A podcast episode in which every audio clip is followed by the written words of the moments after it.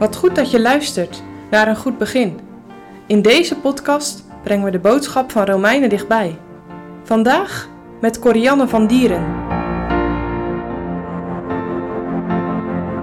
Vandaag lezen we Romeinen 8, vers 29 en 30. Want die hij tevoren gekend heeft, die heeft hij ook tevoren verordineerd om het beeld van zijn zoon gelijkvormig te zijn opdat hij de eerstgeborene zij onder vele broederen.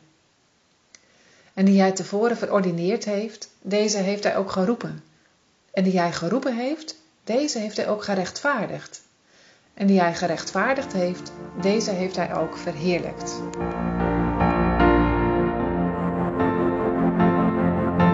Er was eens een beeldhouwer. Hij was bezig met het uithakken van een stenen paard uit een rotsblok. Iemand vroeg hem: Man, hoe doe je dat nou toch? Toen zei die beeldhouwer: Het is eigenlijk heel simpel. Ik hak alles wat geen paard is er gewoon af. Zo doet de Heer als wij een discipel van Hem worden.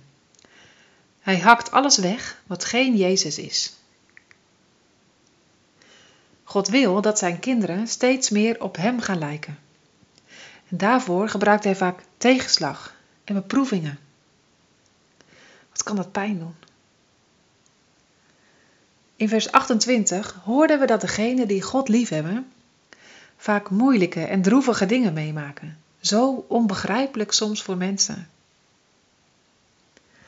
Paulus' woorden zijn vol troost. Eigenlijk zegt hij: Mensen, hoe moeilijk het ook kan worden in je leven, God heeft alles onder controle. Er valt geen haar van je hoofd zonder zijn wil. Ik denk dat Paulus daar ook wel eens aan getwijfeld heeft. En gedacht: Heere, weet u nu wel wat ik meemaak? Waar bent u? Maar als hij deze woorden schrijft, is hij vol van geloof. Hij kan het goede zien in alle dingen die God doet. Het brengt hem dichter bij God. God heeft een plan vol van hel met zijn kinderen. Een plan dat door niets en niemand in de wereld wordt tegengehouden. Hij zorgt ervoor dat zijn kinderen steeds meer gaan lijken op zijn zoon. Hij maakt ze klaar voor de eeuwige heerlijkheid. Mag jij daarbij horen? Bij diegenen die God liefhebben? Dan ben je zo rijk. Dan hoor je bij de mensen die door God gekend zijn. Als je God mocht leren kennen en in Hem bent gaan geloven, betekent dit dat God jou al kende. Dat Hij aan jou gedacht heeft voor de wereld er was. Dat Hij besloten heeft jou een nieuw hart te geven voordat je bestond. Dat Hij je lief had. Niet omdat jij naar Hem zocht. Of jij het waard was. Uit pure genade, Hij had God zijn kinderen lief. Kende Hij hen, riep God hen. God was het die hen zocht. Dat gekend worden noemt de Bijbel ook wel verkiezing. Dat betekent vastheid, zekerheid. Het zal nooit meer overgaan. God houdt zijn kinderen vast in het dubbele greep van zijn liefde. En dat is zo'n grote troost. Het woord verkiezing kan ook vragen oproepen. Misschien heb je die wel. Heeft God mij wel uitverkoren? En als ik nou niet uitverkoren ben,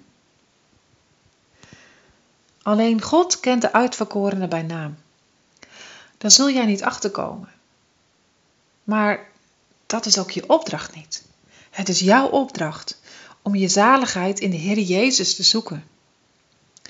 Dus niet eerst willen weten of God jou gekend heeft en dan pas geloven dat je jezelf mag overgeven in de doorborde handen van de Heer Jezus. Dat is de verkeerde volgorde. Je hoorde in het Bijbelgedeelte een paar keer het woord verordineerd. Dat betekent zoiets als bestemd, bepaald. God heeft zijn kinderen ertoe bestemd om aan het beeld van zijn zoon gelijkvormig te zijn. God wil dat zijn kinderen steeds meer op de Heer Jezus gaan lijken. Dat ze gaan leven tot zijn eer. Gods wil doen, hem eren. Dat ze een warm hart hebben voor een ander. Altijd waarheid spreken, willen vergeven de minste zijn, vriendelijk zijn, zelfs tegen vijanden. Herken je daar wat van? God wil dat zijn kinderen met heel hun leven iets van Christus laten zien. In de tekst wordt hij de eerstgeborene genoemd. Vroeger was het zo dat de eerstgeborene het hoofd van een familie was.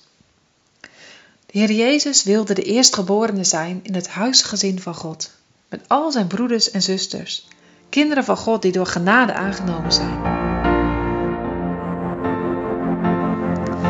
Dat huisgezin van God wordt groter en groter.